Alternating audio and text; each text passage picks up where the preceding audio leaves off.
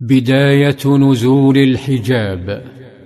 قعدت زينب في بيتها الصغير المكون من غرفة وصفة ووجهها إلى الجدار وبجانبها نبي الله صلى الله عليه وسلم الذي نادى الفتى وقال له يا أنس هات التور حمل أنس طبق أمه الحجري المليء بالحيس ووضعه أمام نبيه صلى الله عليه وسلم فوضع يده على الطعام فدعا فيه ومعه طبق آخر من الخبز واللحم ثم نظر صلى الله عليه وسلم إلى ضيوفه فوجد غرفته لا تسعهم فقام بتنظيمهم دفعات وقال ليتحلق عشرة عشرة وليأكل كل إنسان مما يليه.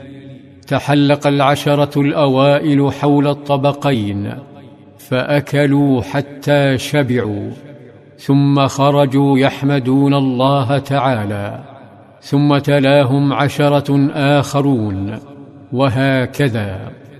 ولما شبعوا بهذه المعجزة قال صلى الله عليه وسلم يا أنس ارفع.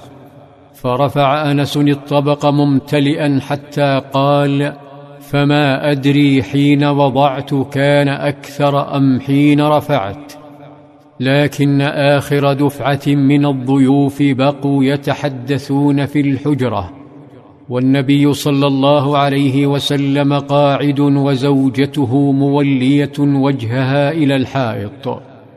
طال بقاؤهم حتى ثقلوا عليه واستحيا أن يصرفهم فقام بحركة علهم يفهمونها جعل كانه يتهيأ للقيام لكنهم ظلوا في أماكنهم.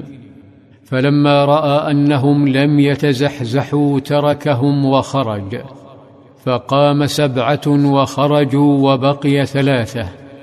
مشى صلى الله عليه وسلم ومشى معه أنس حتى بلغ حجرة عائشة ثم ظن أنهم قد خرجوا فرجع ورجع معه أنس فإذا هم قعود في أماكنهم.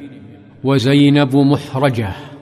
فعاد صلى الله عليه وسلم هو وأنس يتتبع حجر نسائه يسلم عليهن ويقولن يا رسول الله كيف وجدت أهلك؟ ثم رجع. فلما رأى الثلاثة رسول الله قد رجع ظنوا أنهم قد ثقلوا عليه فابتدروا الباب فخرجوا كلهم.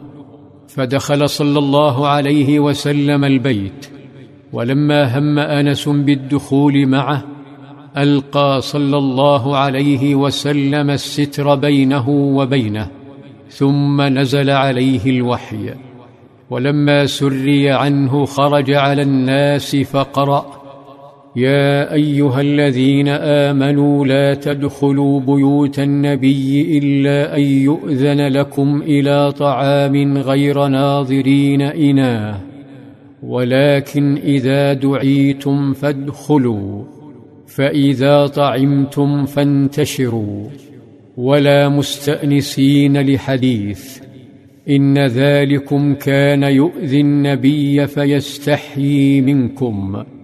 والله لا يستحيي من الحق.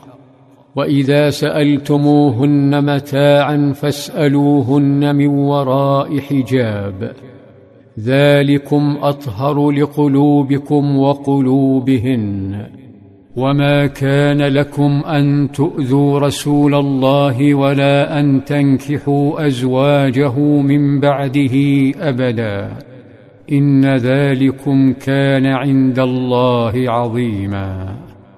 في تلك الأيام كان من المنافقين رجال يتحرشون بالإماء في الطرقات فأنزل الله آيات أخرى تأمر المسلمات الحرائر بالحجاب.